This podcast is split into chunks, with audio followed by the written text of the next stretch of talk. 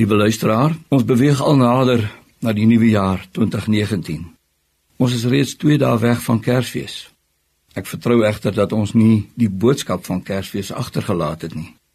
Positief gesê, mag ons vol verwondering oor die boodskap van Kersfees die nuwe jaar binnegaan. Ons het mos reeds in die vorige aandgedagtes gesê dat die Hebreërskrywer in hierdie eerste verse van sy boek 'n besondere perspektief gee oor die koms van die seun na hierdie wêreld. Hy sê dat God in hierdie eindtyd toe sy seun gekom het, met ons gepraat het, volledig gepraat het. Wat hy deur die seun gesê het, word op 'n besondere wyse deur die Hebreërskrywer uitgespel wanneer hy meer sê oor hierdie seun wat gekom het.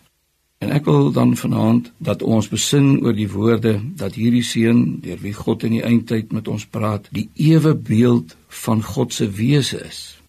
As 'n mens oor die wese van God wil praat, begin 'n mens se woorde eintlik opraak nie waar nie.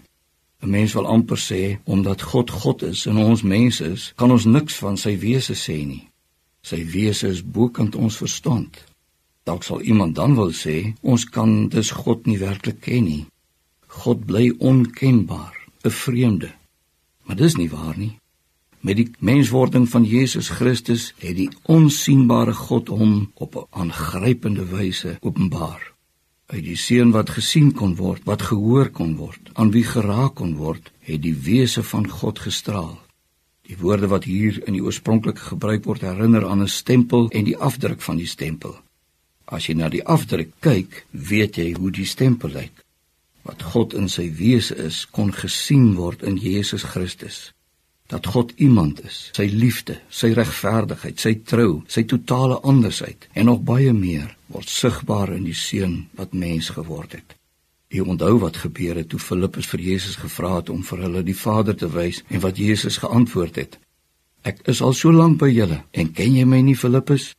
Wie my sien, sien die Vader. Hoe kan jy dan sê wys vir ons die Vader? Ons moenie soos Filippus nog wonder nie. Ons mag nie as gelowiges vreemdelinge vir God wees en hy vir ons nie. As gelowige weet ek nie net van God nie, ek ken hom.